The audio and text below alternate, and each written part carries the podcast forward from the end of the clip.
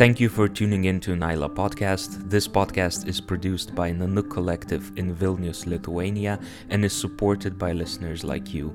So please join the community at patreon.com slash Nanook Multimedia.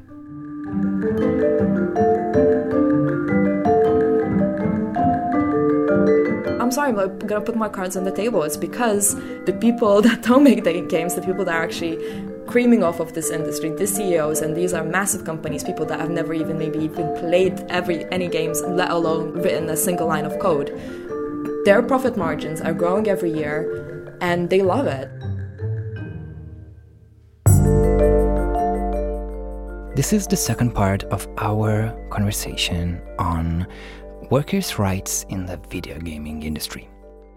This episode consists of an interview with Marijam Didžgalvytė, the chair of Communications Committee at Game Workers Unite, which is an umbrella organization and advocacy group that helps game workers establish unions. I would highly recommend first to listen to Austin Kelmore's interview in the previous episode, where we get a perspective from one person who we spent a lot of years in the video gaming industry. Now we're talking about the industry as a whole and how it could um, change. I got a lot from this interview, and uh, I hope that you're gonna you're gonna do the same. So let's listen to Marijam. Thanks so much for having me. Yeah, so as Carlos has introduced me, I'm Marijam Didžgalvytė, and I am the chair of the communications committee of Game Workers Unite International, a broad ranging advocacy group with 27 chapters across the world, all with the idea of pushing unionization of games industry workers all across the world. Um, I am also a freelance content creator, and you should definitely check out my show Left Left Up, that is all about games and politics. So first of all, I have to point out that we're both born in Lithuania, yet right now we're in your home in London, and we're going to be speaking in English. Uh, this is the language of this podcast, and it's also the primary language of your work that relates with video games and their industry. So first, how long have you been living here? Yeah, being here in London, it was not a choice. I am one of those typical uh, economic migrants. 2008 was when the global financial uh, crisis has really hit Eastern Europe uh, region. Um, my parents became unemployed very quickly, though they are theater critics by education. The, you know, my, my mom had to become a seamstress and really um, requalify herself. There was really like no bread on the table, and my mom moved here firstly to Liverpool, then to London to work in like factories sewing up uh, life jackets, stuff like that. So I, I, I, think we moved here 31st of August, uh, 2008, and by 1st of September was my first day in school, uh, like doing my A levels. So that would be the last two years of uh, high school in Lithuania. And yeah, it was pretty traumatic. Uh, so I, I know I finished my school here. My BA was in arts my master's was in arts and politics, and that was the time when I began uh, really discovering this this tie between social change and cultural forms. And my dissertation in, um, on my master's thesis was all about whether uh, there is a possibility of social change in the realm of video games. And yeah, the rest is history. I've been trying to sort of create those and dissect those mm. themes uh, further in the last couple of years. And why do you care about video games and the people who make them? so much as to you know dedicate your career for that Sure. So gaming is something that I've just always done. I think you and me both share uh, a sort of um, nostalgia and affiliation with our local gaming cafe, where we would spend our uh, early teenage years. And then here, I secretly game throughout my life of being here in London. But it was, yeah, it was always a bit of a kind of a shameful thing in the kind of London uh, leftist milieu that I was part of. Um, everyone really judged gamers and gaming. And I think 2017 was the year when I realized that the profits in gaming have overtaken the film industry. So it is the biggest cultural outlet there is and yet no one is talking about this as like a, a, a, cultural space of politics where certain political affiliations do happen and sadly as progressives we have definitely abandoned that space. And around the time when i was already kind of involved in creating content about around this uh, march 2018 to be exact was when game workers unite movement was born in San Francisco, and for me to sort of uh, begin to work in the, in the space that combined my two biggest passions, which is gaming, and class war, it just seemed like a, a very uh, a very natural uh, turn to that. So I just got involved with people that have begun doing uh, Workers Unite UK chapter. It's been really fascinating to see how many people that are not pol- political per se, that are fairly apolitical and see gaming as just as escapism, they've been introduced to to, to those sort of politics for the first time. And I, I really see it as a tool for a much broader political project than just game workers' rights mm-hmm. necessarily. So let's dive right in and start talking about the working conditions because I, I know there's a notion that the people who work with gaming and create games, um, they do it out of their passion for the medium. Uh, it's an industry that's you know notoriously hard to get into. So it might seem that people who do eventually get in there are purely driven by their passion. Uh, so the question is, isn't that passion abused sometimes? Well, I think you just answered uh, your own question in, in precisely. It is it is a space of, of huge uh, competition and uh, there is this re- there's this culture of, of luck that is pervasive in the in the industry that you you're you're having to feel um, extremely grateful for even be working in, for a particular company. And bosses abuse that. You know, they cut corners. Yeah, sure, they will maybe have a mini bar in the offices or like a or like some mini golf table table like tennis precisely stuff like that but you will be working 60 to 80 sometimes 100 hours a week uh, uh, with no paid overtime at all uh, that can happen that can last for months to come there is pervasive sexual harassment uh, cases as well as non-disclosure agreements you cannot work on any other projects while you're working for that particular company. Um, introduction of zero hours contracts outsourcing um, speculative labor, all of these ways that the companies have now realized that they can just undercut the worker, they they are utilizing them increasingly so. And weirdly enough, in the 40 or 50 years history of this industry we just have never had a union. So so the workers have never really come together to see themselves as a body of workers versus the people that actually own the company. A lot of the time they would side with with the bosses and there was just never really that solidarity between the workers and competition even between the workers. But i think more and more especially you know since the 2008 and and what we've seen of of particular group of people really creaming off of the benefits of companies and that not necessarily trickling down to the workers themselves. Uh, I think there's a, just this new consciousness growing and rising, and with the help of social media and people being able to really discuss these issues in public for the first time. And all, honestly, kudos to journalists like you uh, that are bringing these issues to the forefront. I think people are just waking up and being like, hey, um, yeah, what about us? We're suffering here. We're quietly suffering here you mentioned that you know there for 50 years in the gaming industry there were no unions um, and this is you know precisely what game workers unite international does yeah you help set up uh, unions. Right. So it started in San Francisco, March 2018, when this one particular uh, developers association. Uh, came up with the silly idea of, of doing a panel discussion against unions. There aren't even any unions. Why are you even having one, really? But they decided to just have one and be like, hey, unions are not that not something that will solve your problems. So a bunch of uh, disgruntled workers were like, what, what, what, are you doing? No, I think that is the only way to go. And so they got themselves together, created a logo, created a hashtag, uh, created a website, a Twitter account, and it just started blowing up. Game Workers Unite a hashtag was at one point globally uh, trending, and everyone had a story to tell. Every game worker from some part of the world was able for the first time publicly admit that they have been quietly suffering at, at their work. So with the help of, of, of, of social media, I think we've really opened up the, the gates there.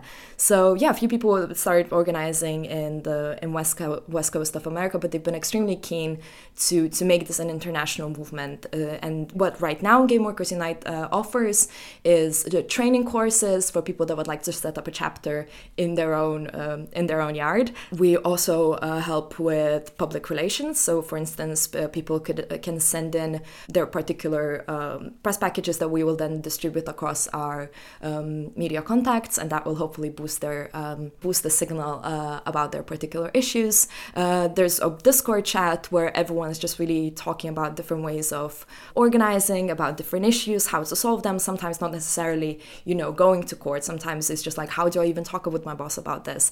So really, it's like yeah, a multimedia channel of of, of, of networking, of support, and of of helping and organizing and teaching us to how really, for the first time, understand your value value as, as a worker in in in this really weird, messed up industry that games industry is. So, as far as I understand, Game Workers Unite is this umbrella organization that helps set up unions all over the place. Uh, is that the right way to put it? Absolutely. So, as you can imagine, the laws, employment laws, are very different. Uh, across the world. So some so December 2018 was a very important date for us because Game Workers Unite UK became the first legal trade union that as that was born out of our movement. Uh, so that was extremely exciting, and there are some that are now getting even closer in other parts of the world. In other places, you know, they're still uh, finding it extremely difficult to, to talk about these things publicly. So they're sort of organizing way, way, way more on the down low and um, so as I'm saying, there basically different parts of the world ha- are closer or further from from forming actual legal unions. But what's been achieved in 15 months with like no budget and just a few volunteers just offering their time and like a lot of social media boosting, it's just it, it's it's phenomenal. And you touched upon Game Workers Unite UK, which is uh, a branch that was uh, established by Independent Workers Union of Great Britain. And it's it, in itself it's a small trade union specializing in unionizing migrant workers uh, uber drivers cleaners foster care workers and so on. What made you choose that particular union for game workers unite uk well as you also point out yourself a lot of the time game workers are you know paid quite well uh, way more than these particular uh, workers that you just mentioned. So whenever there was a whiff that uh, game workers are beginning to organize in Britain, you can imagine that a lot of big unions have approached us and be like, "Hey, become part of our union. We'll give you like." three months free pet insurance or something like that you know so they can smell the money and a lot of big unions have really tried to to to, to take on game workers uh, as as their branch but um, a lot of the time i would argue those are like big, uh, quite pale male stale bureaucratic unions that don't necessarily achieve that much. Um, there was a big choice of, of UK unions. And I think what in the end swung us towards IWGB, Independent Workers Union of Great Britain, was they're actually very we kind of had to um, convince them to take us on rather than the other way around. They were like, "Look, guys, we are completely horizontally run. Uh, you're gonna have to do a lot of the yeah. of the work yourselves. Uh, this is this is what we can offer, but really a lot. This is worker led. We're not just gonna be someone that is just gonna like, um, you know, guide you. Well, we're gonna guide you through the process, but we're not just gonna do everything for you because we're workers ourselves. Everyone that is in leadership role uh, are workers in the industry, and so." Um, yeah, they, if anything, we had to convince them to work with us. And their history is, is so incredible. They usually unionize uh, workers that are not traditionally unionized from industries that one would see as extremely precarious. You know, a lot of the time on the internet, people are like, "Oh, how are you going to unionize game workers because you know outsourcing exists and or you know they can just fire you and get someone else." Mate, if IWGB can um, unionize Deliveroo drivers, you know, or or cleaners, I think game workers is is easy peasy for them yeah, it seems that you know you need this militant uh, mindset to unionize gaming workers because in this particular industry, people like to keep a very tight lid on such things. Like for example, developer of League of Legends, one of the most popular multiplayer games, they had a policy of forced arbitration, yeah, uh, which means that employees can't go to court over disputes with the company. So how do you work with that? How do you work uh, with an industry that is uh, so accustomed to keeping a tight lid on things. Well, you must have heard that about a month ago. Some extremely brave workers at Riot Games in, in, in West Coast, I believe, of the United States have actually staged a walkout uh, precisely over this issue of, uh, of non-arbitration and NDAs, non-disclosure agreements, and, and stuff like that. I think that really has sent a very strong signal. That was just one day walkout, um, but really has a sent a very strong signal uh, across the board that it won't be tolerated. And for any new workers that are now reading their contracts, uh, before they may have not never thought that that's something they should be looking at, but now there's this energy in the industry that workers for the first time, I think, are looking over their contracts in way way more of a detail, and that's something again that union can offer is, is to be there for you whilst you're negotiating your contract, uh, which is incredible. But there is such a diversity of tactics that could be taken on by gamers workers. You know, whether those are well, you know walkouts or or social media campaigns or you know like something way way further down the line as even calls for boycott and and and strikes etc. There, there's just like the toolbox of of of historical trade union movements and um, I guess the sort of strategies that they've been utilizing is, is, is something that I think game workers are sometimes unaware of and very presently surprised as to the, the sort of um,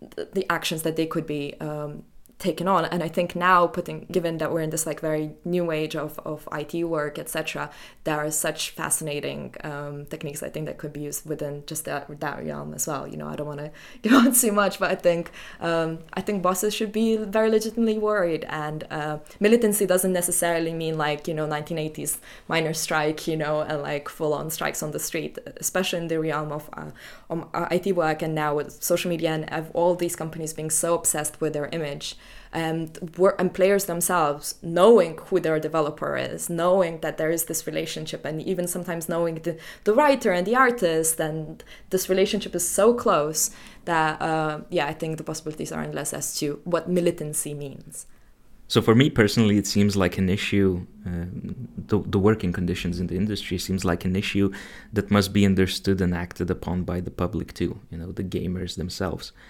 I mean, the average millennial is what 30 years old now and a lot of them play games. Like the recent study last year proved that almost 70% of the whole US population plays. Mm, so what can they do? We've been very keen not to necessarily go into the lengths of stuff like boycott because that will most of the time just um, harm the worker themselves actually. So that is very much the, the, the path that we're not necessarily going to. But even campaigns like Fire Bobby Kotick, which well, who is the CEO of Activision Blizzard, who laid off over 300 workers recently, you know, just really putting a personal blame towards the bosses, you know, so not necessarily the product, but the bosses themselves. Um, so helping us uh, with, you know, boosting the signal on social media is extremely important. Uh, you know, talking to your coworkers about what unions are in general. I think we just really need to, and I think that's very pervasive, especially in the West, that unions do have this very dirty image. A lot of the time, it's for a reason, you know, unions because of also um, they haven't necessarily fought back and there is this very very dirty image of them a lot of the time so even just talking to to your colleagues and and trying to reshape what a union means you know um, within your particular industry that helps a lot. Bingo you know there are so many games right now that are created in in co-ops or in smaller indie, indie studios that do have better working conditions. So perhaps always really researching the modes of production of your game really being aware as to whether you know whether it's basically a blood product. I mean look, I also don't want to portray game workers as the people that are suffering the most in the creation production cycle of any video game because I think that would be unfair as all of the hardware that we are experiencing our games on and are enjoying our games on is also made under extremely brutal conditions in the global south. So that's a whole other area and a whole other fight that we should be hopefully down the line be ready to fight as well. And to me, Game Workers Unite movement is really just the just the roots of something that could grow into a very, very uh, strong force of 21st century unionism that won't just be stuck within fairly sort of sometimes middle class jobs in the West, you know, that, that it can become talking about the, the issues around hardware and, and, and stuff like this. You touched upon the fact that the gaming community is quite vocal which I think is both a blessing and a curse, uh, because the players are way closer and way more attached to the product than in other industries. And to illustrate that, I'm going to quote a part of Jason Schreier's article on working conditions in Treyarch, uh, a company that made Call of Duty Black Ops 4. A new update would go live, and then people would look at Reddit. Reddit would say, This is broken, fucking Treyarch. Do they even care about us? That gets passed to QA, which is quality assurance. Then a meeting is held with quality assurance leads, and the question is asked how did that go through? And the quality assurance would usually say, we didn't get enough time. So this seems incredibly disheartening, and I can can't imagine how demoralizing it feels for the people who actually work there and care about the game. And from the side, it seems that there's a misunderstanding that the players don't really know about what's going on in the studios. So, how do you propose to educate ourselves to understand? Is you know reading articles like Jason's enough? Um, what is else to do? You're absolutely correct that uh, games creation to this day just seems like this ma- magical process that no one really understands how it's done.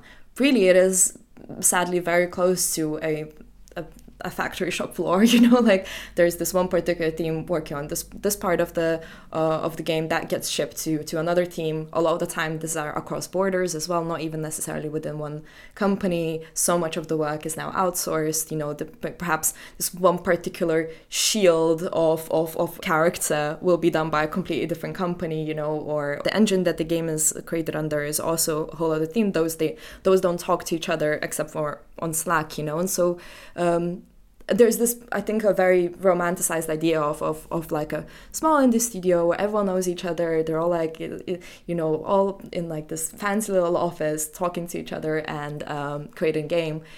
Really especially with these AAA games the reality is much more fractured much more fragmented and and there's so much secrecy within that. And I really like that you mentioned QA testers there at the end because those are the people that a lot of the time do have to bear most of the uh, brunt and they are usually most working class um, workers of the entirety of the games industry. They they are a crucial part of the industry and yet they earn the, the least. I know some QA testers here in London that are working 60 hour weeks commuting three hours every day and they are one of them was like oh Oh my god i just i i've just changed jobs. I used to be paid like 16000 pounds a year. Now i'm gonna get 19000 pounds. I don't know how to say this but in london that's just like absolutely like impossible to survive on. And they you know they they maybe rent a, a, a room the size of a, a, a, box in somewhere like zone 5 or whatnot and it's just like that's not a life. And the and as you say a lot of the time the budgets for them are low the, the deadlines are tight.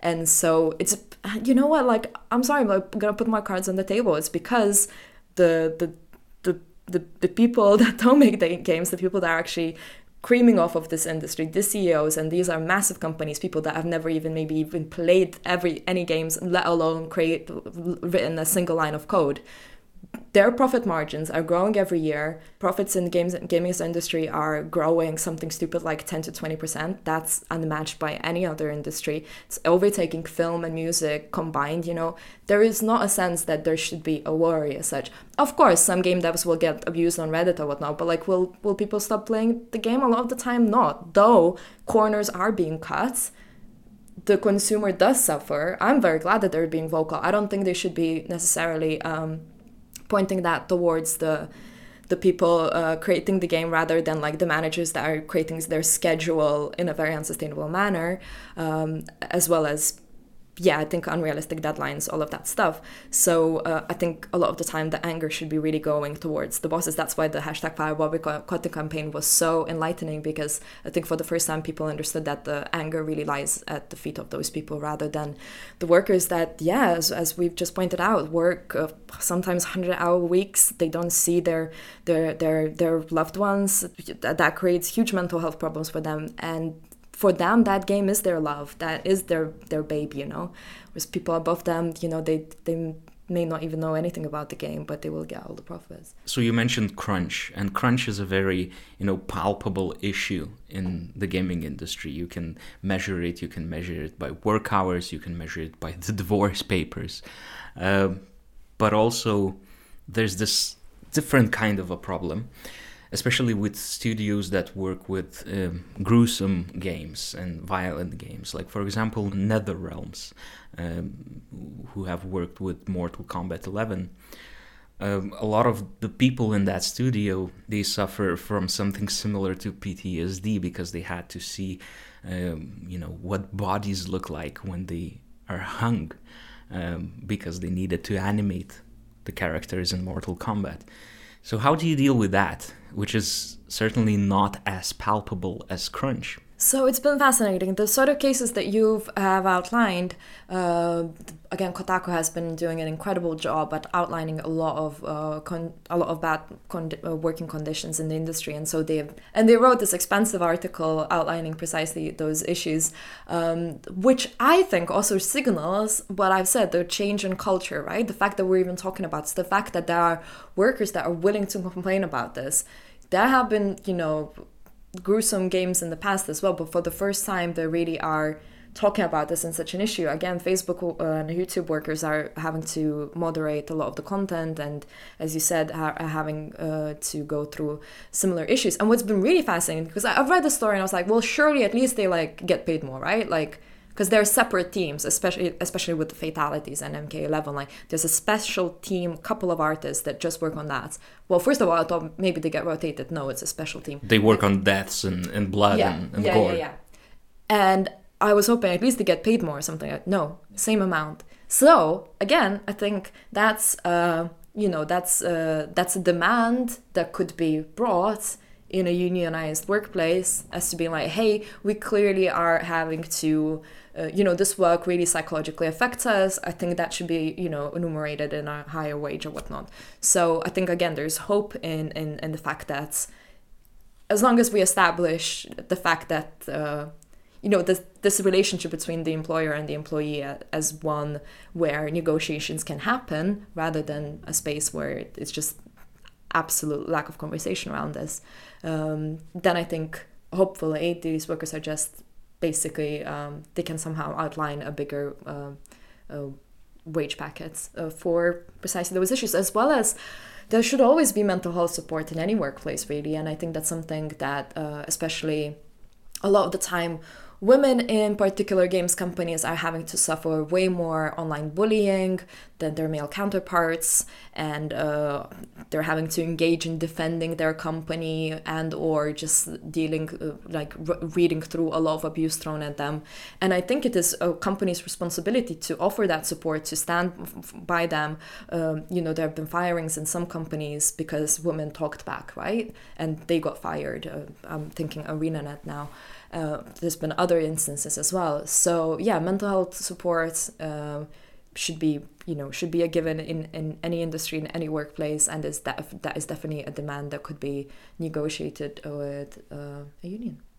Here in UK, you have game studios ranging from strategy game developer Creative Assembly to the makers of GTA, Rockstar Games.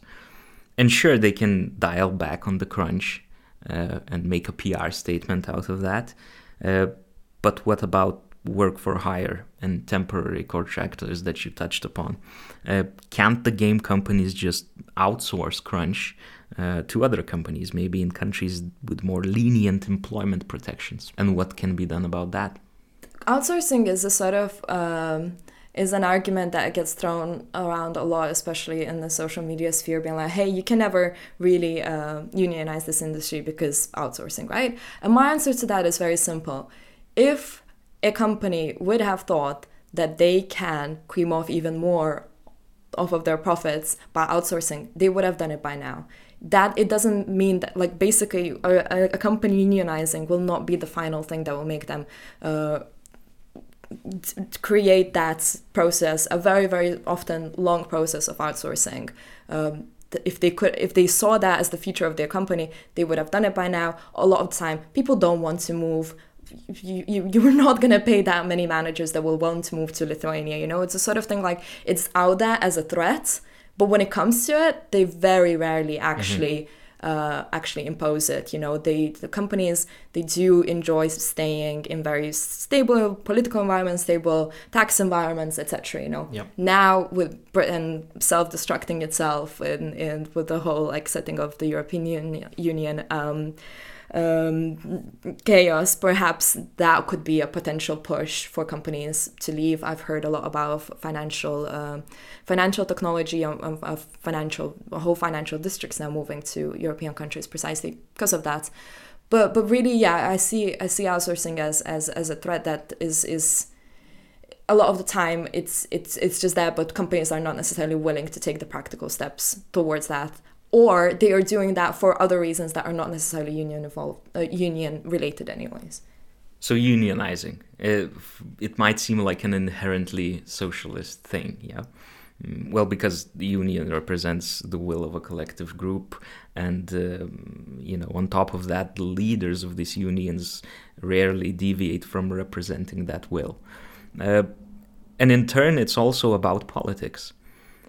And for me, it seems like talking about politics and video games is still quite hard. You know, recently, one of the biggest developers, Ubisoft, the creators of Assassin's Creed, stated that they don't want to be political or tell political stories in their games.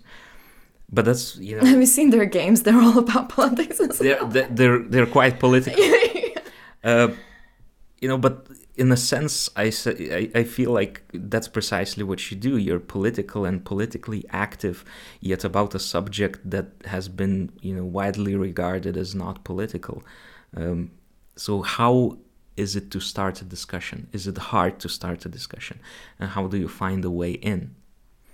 Uh, what's been really fascinating was witnessing the reaction towards unionization by some of the uh, I would call like alt-right actors with characters like Ian Miles Strong, etc. They have been terrified and they've been really uh, propagating uh, very actively against the unions, sort of arguing that that will change the themes of the games themselves. Absolutely misunderstanding how unions work or what they do uh, and or just you know um, just being really against this idea of any sort of collective action because you know that's communism or whatnot. Uh, but you know but if we if we zoom out what are they afraid of? What are these starlets? What what is it about unionization that scares them? And i think that the answer to that is very simple. For the first time whether that's workers whether that's players witnessing what the workers are doing. They are finding uh, a source of collectivity, a source of uh, source of community, some collective joy, a win that is uh, that that does actually inspire material change. You see, the argument that people like, Ian Miles Strong would uh, put out would be that if only that other, you know, the migrant, the woman, the trans person, if they were to just go away, just just leave, your life would be better. Your life would be, material, be materially better if only those people were to be gone.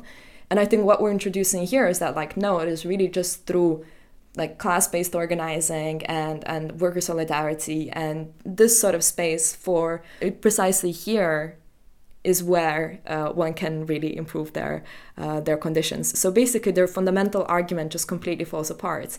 Uh, whereas in the meantime, these these workers and hopefully the players supporting them are are finding out a history of of, of, of, of, of collective battles and joys and and just a, a, very very yeah an extremely rich history of of, of, of organizing that is that is bringing results, but is it, it's not succumbed by hatred. It's more, much more empathetic and um, and really produces results rather than just this, uh, yeah, attempt towards hatred of something that is never going to change, which is the diversification of everything everywhere we are. That doesn't mean that your product will not, not exist. It's that just that there will be more other products.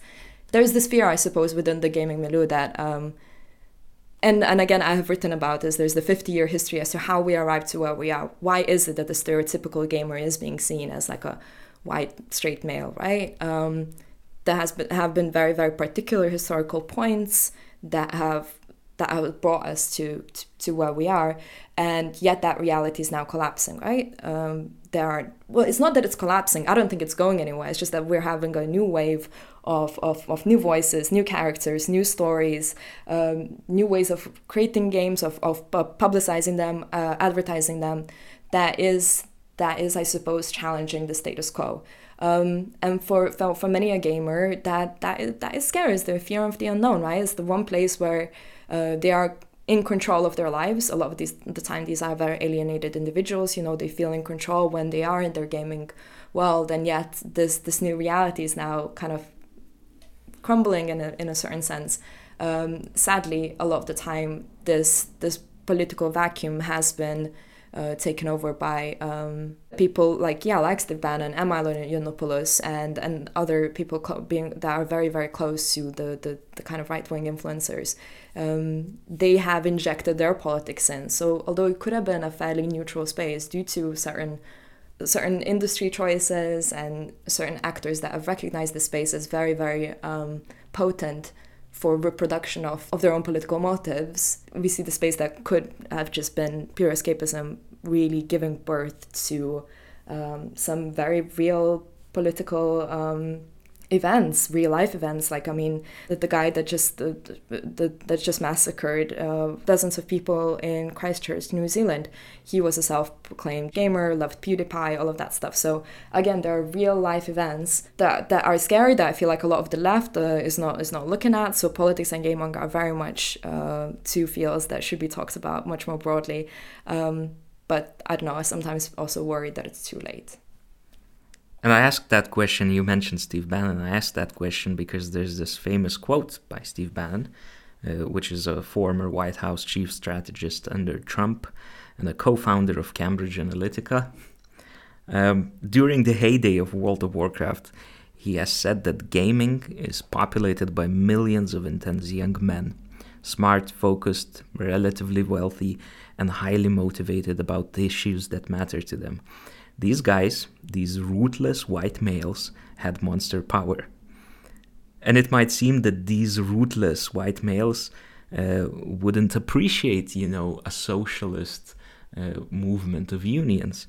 Um, do you think that this quote still stands true? So, although there have been so many, you know, women and diverse, uh, like a lot of time, women of color in the tech tech industry in like late 40s and 50s, uh, women like Grace Hopper and Katherine Johnson, Dorothy Vaughan, Mary Jackson, Margaret Hamilton, they were all there uh, at the beginning of what we now know as the, you know, informational technology industries, etc. Um, but uh, around the 60s, this company called System Development Corporation enlisted two male psychologists, William Cannon and Dallas Perry, to scout for recruits to this new mysterious profession of IT workers. And they profiled uh, 1,378 people, only 186 of which were women, and concluded that satisfied programmers shared one characteristic they don't like people, they don't like interaction. And uh, basically, a lot of schools and recruiters have really adopted this particular model. I mean, as you can see, it's a teeny tiny um, sample uh, number and, and all of that stuff. But yeah, it was basically all the recruiters were like, okay, so these are the characteristics that will be good for anyone that wants to work in this industry. Then we have 1970s and Atari, right? A very, very male dominated, uh, well, not even male dominated office, because actually they did, they did have quite a few women working for it, but uh, it was kind of attempting to be sexy, but ended up being sexist because like they used to uh, film porn in the offices of Atari. They used to have like board meetings in jacuzzis where like prostitutes would be like giving away cocaine to them and that sort of stuff. I mean, it's just like, again wow. so that was a solidification wow. of, of of a particular image and they were rock stars at the time right yeah, like atari sure. workers so so for any boy growing up that would be like oh my god of course i want to work there so that i think really solidified the the image of who a game worker is and what sort of games are they going to be creating we kind of fast forward to the 90s and the creation of Doom and Quake games with extremely innovative mechanics, and yet the sort of aesthetics that got touch, attached to them, um, so goriness and the I know the the the the, the violence. The, the, the, well, yeah, the goriness and the violence and the sort of the, the male protector, uh, you know, sing, single, you know, the hero single-handedly, yes, like single nondescript guy. Precisely, yeah. You know, although again, like I love those games just because, like, I think those were at the time again they were so fast and so neat. You know, so basically uh, they became huge, but again, a certain aesthetic got attached to it. Again, reproducing that particular image we uh, then we then again fast forward to uh, early 2000s when um, after 9-11 hundreds of millions of dollars were uh, siphoned into the games industry by the united states department of defense. That was um, just really was pushing for more uh, pro-western again male dominated shooter games out of which a few came came out. Uh, the roots of call of duty actually come from them as well.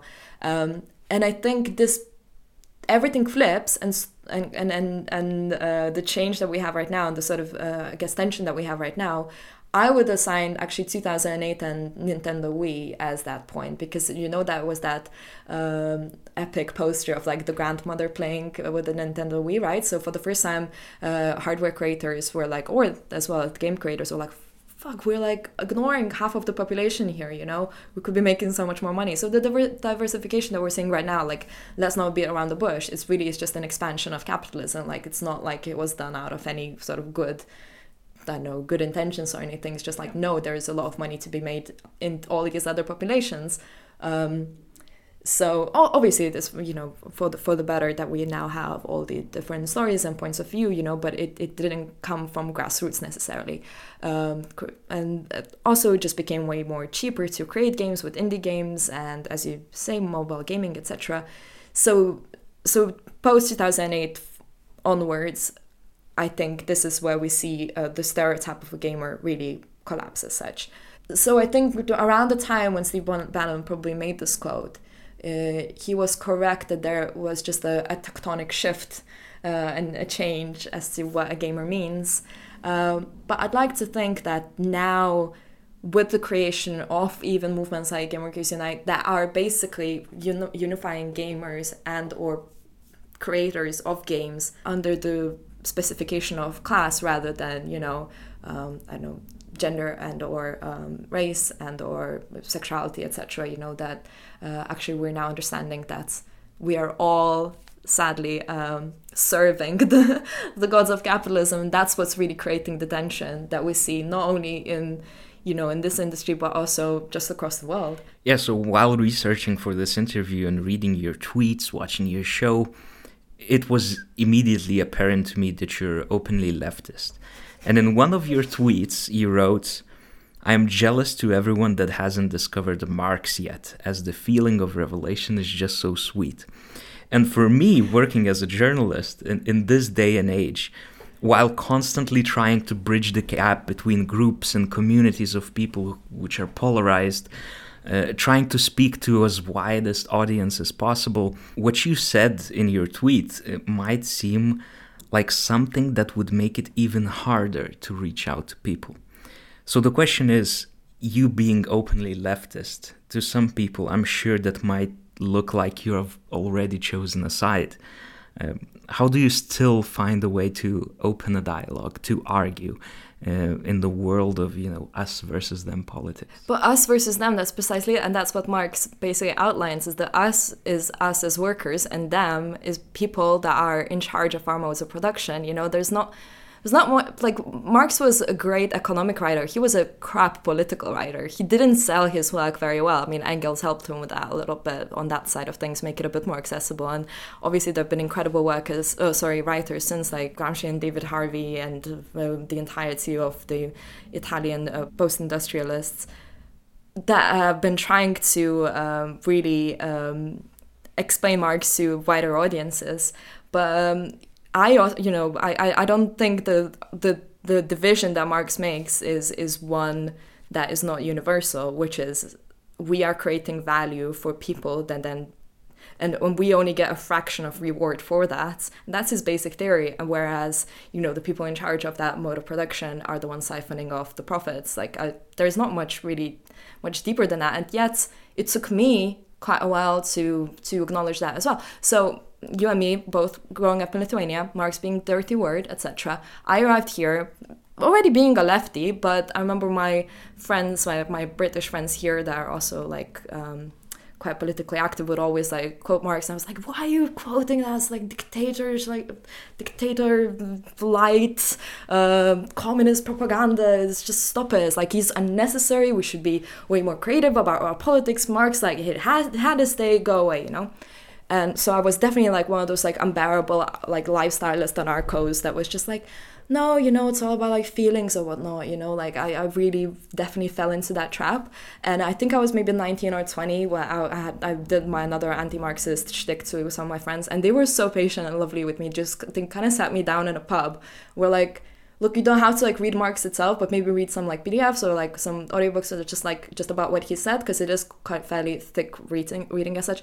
But he does outline some extremely important uh, points that will explain i think to you and hopefully um, you know perhaps hopefully the people around you that the, of the importance of his writings as such. So sorry i just wanted to really kind of stand up for marx because like i know what you mean that it's like it sounds divisive but really i think it would illuminate a lot of people's understanding as to where they sit in the world.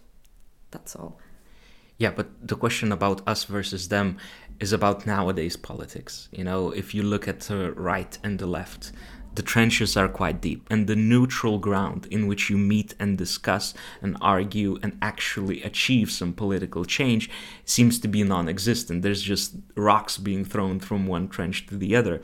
And you being, you know, a, a communications director at Game Workers Unite International, but also being a lefty, do you think that that somehow limits the audience that you can reach because some people might immediately dismiss you um, as something they can't listen to because there's no neutral ground. Well, unions there are inherently political, right? They yeah. inherently talk about uh, an issue of of the fact that the, the, the, managers, the bosses, they're in control of your uh, workplace uh, environment, your your work, you know, your well-being, your wage, uh, whether you're gonna have a job or not. Yeah. So that's just like I don't think it's that controversial to be talking about uh, the the the friction in that in a fairly open manner. Um, if you don't think that workers deserve respect, then like you have no you have no place to be in the union movement, I suppose. But where do these a lot of these ideas come from? Is precisely from these readings. You know, like I don't think I've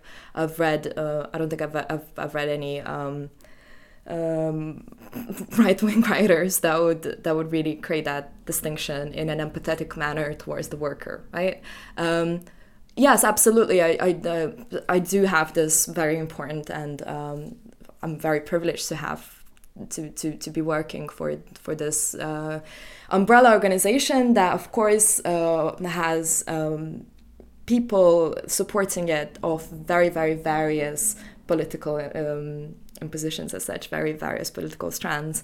And the fact that I describe myself as an anarcho-syndicalist, I do understand that that's a very, you know, that I, I find myself in a very, very small, um, I, I suppose, pocket pocket of, of all these of all these um, of of the spectrum of politics. Though I do think that people should be looking into the history of Spanish Civil War uh, and understand how incredibly those factories were run, etc. But um, I think fundamentally my politics come from a place of empathy even with the work that we're doing with this is completely separate but with the work that i'm doing with Anarcho Agony Aunts which is like a sex and da- dating advice show where we talk to men that are a lot of the time cis uh, men that are lonely and they they do fall they go like i used to or i nearly fell into jordan peterson hole you know? I feel nearly fell into the far right politics because of my loneliness because like i got convinced by these characters that it is the woman's fault or whatnot that i am lonely you know? Like so incels all of that stuff. So if if if if or people like Jordan Peterson are already creating he is already creating relationship advice.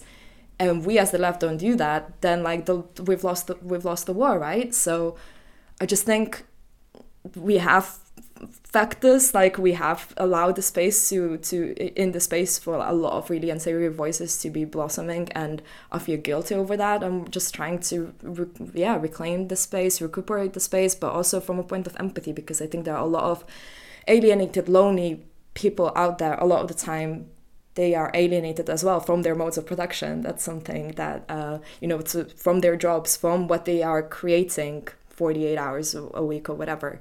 And um, for too long, we've allowed centrist way of triangulation, especially in like the early 20th century politics, to be doing the work. And, and I think it's only created more confusion than people really putting their cards on the table. And I know what you mean. There's so much so much polarization, and it's scary. Um, and yet, I think this is this is the conflict that we're seeing right now in the West. Like it's not like the like like we in the West haven't created so much chaos for people in the global South or whatnot that had to deal with with polarization and wars all the time. Anyways, it's just that we're kind of beginning to feel it all ourselves a little bit. And I know I'm talking very much here from Britain-centric perspective rather than an Eastern European one. So recently, Bernie Sanders, of all people, tweeted about Game Workers Unite. Uh, but it, it, it also puts you in a sort of a in a sort of a box, in a political box. You know, immediately Trump supporters uh, paint you in certain colors.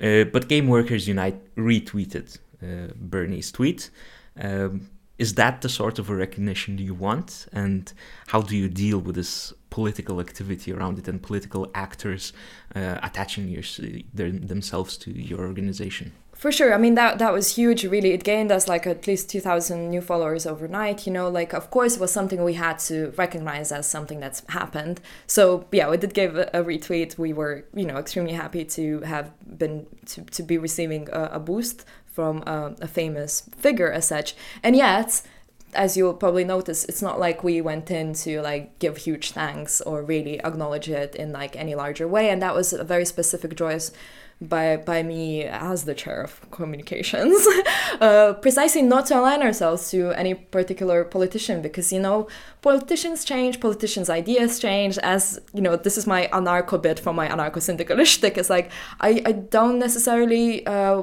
yeah I don't think it, it really benefits us to align ourselves to any political like actual political affiliation or politicians because um, they, they betray their principles all the time you know? And uh, i don't think we should be pigeonholed like this especially you know so that is and i know for sure bernie sanders is one of those politicians that has been very very particular about even his own work like uh, staffers being unionized. So that's why i think you know we we would still uh, argue that he has you know our interest at heart. So um, I don't think it was an issue to to acknowledge it. If, if it was a you know a right wing politician that wouldn't necessarily have any history of supporting unions and or really bashing unions, I think it would be a different conversation. Because still, at the end of the day, our job is to is to um, advocate uh, the growth of union movement, and that is at the heart of the idea. But uh, whichever sort of whoever from the political spectrum is going to do it. Um, that like that's that's their choice but we wouldn't necessarily um, yeah that is basically the only thing we, we care about is is that particular um, so what's the next step politically for game workers unite international uh, as, as I mentioned very excitedly, a few other chapters are looking at um, creating their own uh, legal unions.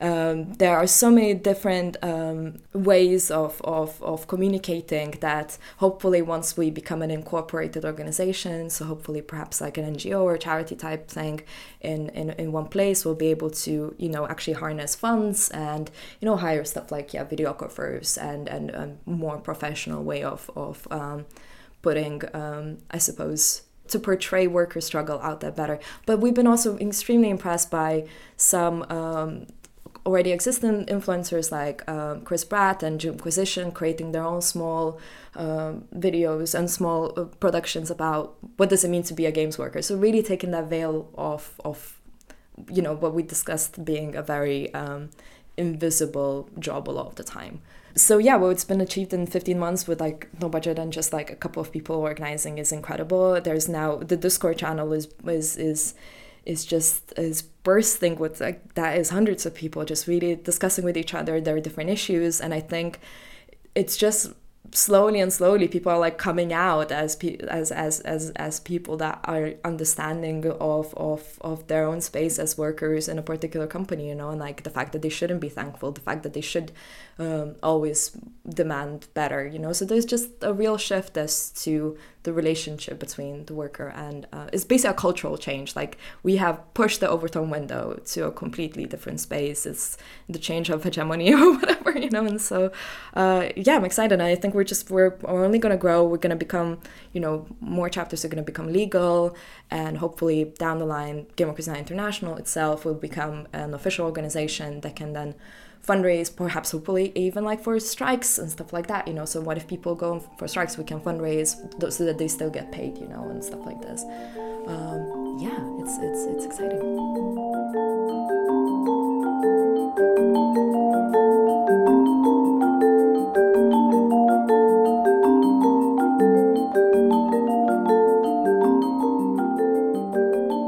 So what do you make of all this As as you know, I'm very close to this because I'm a video gamer. You know, I care about the people who make the product I love. But you, as being like a casual gamer, um, not necessarily very into video game industry, what do you make of all this? Well, I, I really got a new perspective because when you think about the people who are making video games, you imagine them being quite rich, living quite privileged lives, and uh, you don't necessarily think that they are being mistreated somehow. Yeah, you think that they are having good lives? They having good salaries. They having a job that a lot of people want. Um, so these both interviews that you uh, produce for the podcast, they show to me that all of us are workers really. You can have a really low paying job you can, and you can have a high paid job but you can still suffer from that. And i know uh, i guess in the podcast world is the same that um, a lot of people are here because of passion but it, but when when i started to count my own hours how how how much how many of them i spend producing the podcast it's it's a lot. It's it's it's it's a job. But to see yourself as a as a worker kind of diminishes you as a as an artist, as a creator. But what I learned is that well, we are workers, whether we like the term or not. Yeah. And what did you learn? I think there's strength in numbers.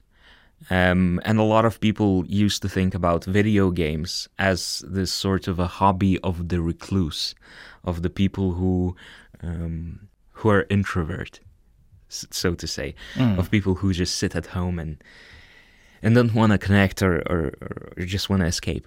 Mm. But it's quite clear that video gamers themselves are very vocal. They band in communities, they band in forums, and so forth. And I think it's it's about time for for video game workers to understand that strength in numbers and uh, to find a purpose in, in that strength uh, via unions um, and, and unionization. I was very glad and very surprised when I had the chance to delve deeper into what Marijam was doing.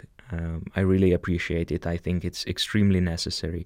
And I think that in turn, it will actually make the games that I love playing so much better. You're not afraid that there's not going to be games like Red Dead Redemption anymore because if you are not abusing people, maybe then it's impossible to create something as huge as it was.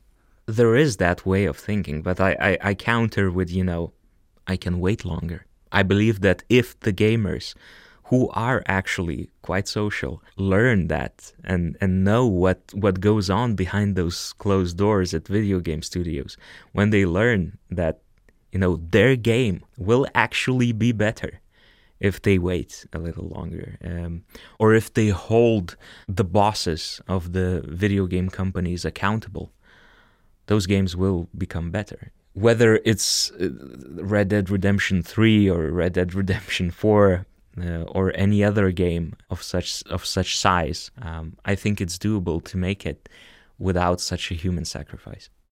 I hope so too. And as I understand, this is just the beginning of the conversation, this movement of unions. Uh, it's going to be bigger, and I'm glad that we had a glimpse of the really very start of it. And I hope that it's going to happen in Lithuania too. Yeah, I'm, I'm looking forward to where this is gonna go, going to go. Ir čia aš norėčiau prabilti lietuviškai tiems, kurie klauso šio epizodo ir dirba žaidimų industrijoje, kuria žaidimus, tačiau patiria kažkokį išnaudojimą savo darbo vietoje, visuomet galite rašyti man, rašyti karolis.nanuk.lt arba kreiptis į mane per WhatsApp, Facebooką ar kur kitur ir pasišnekėti.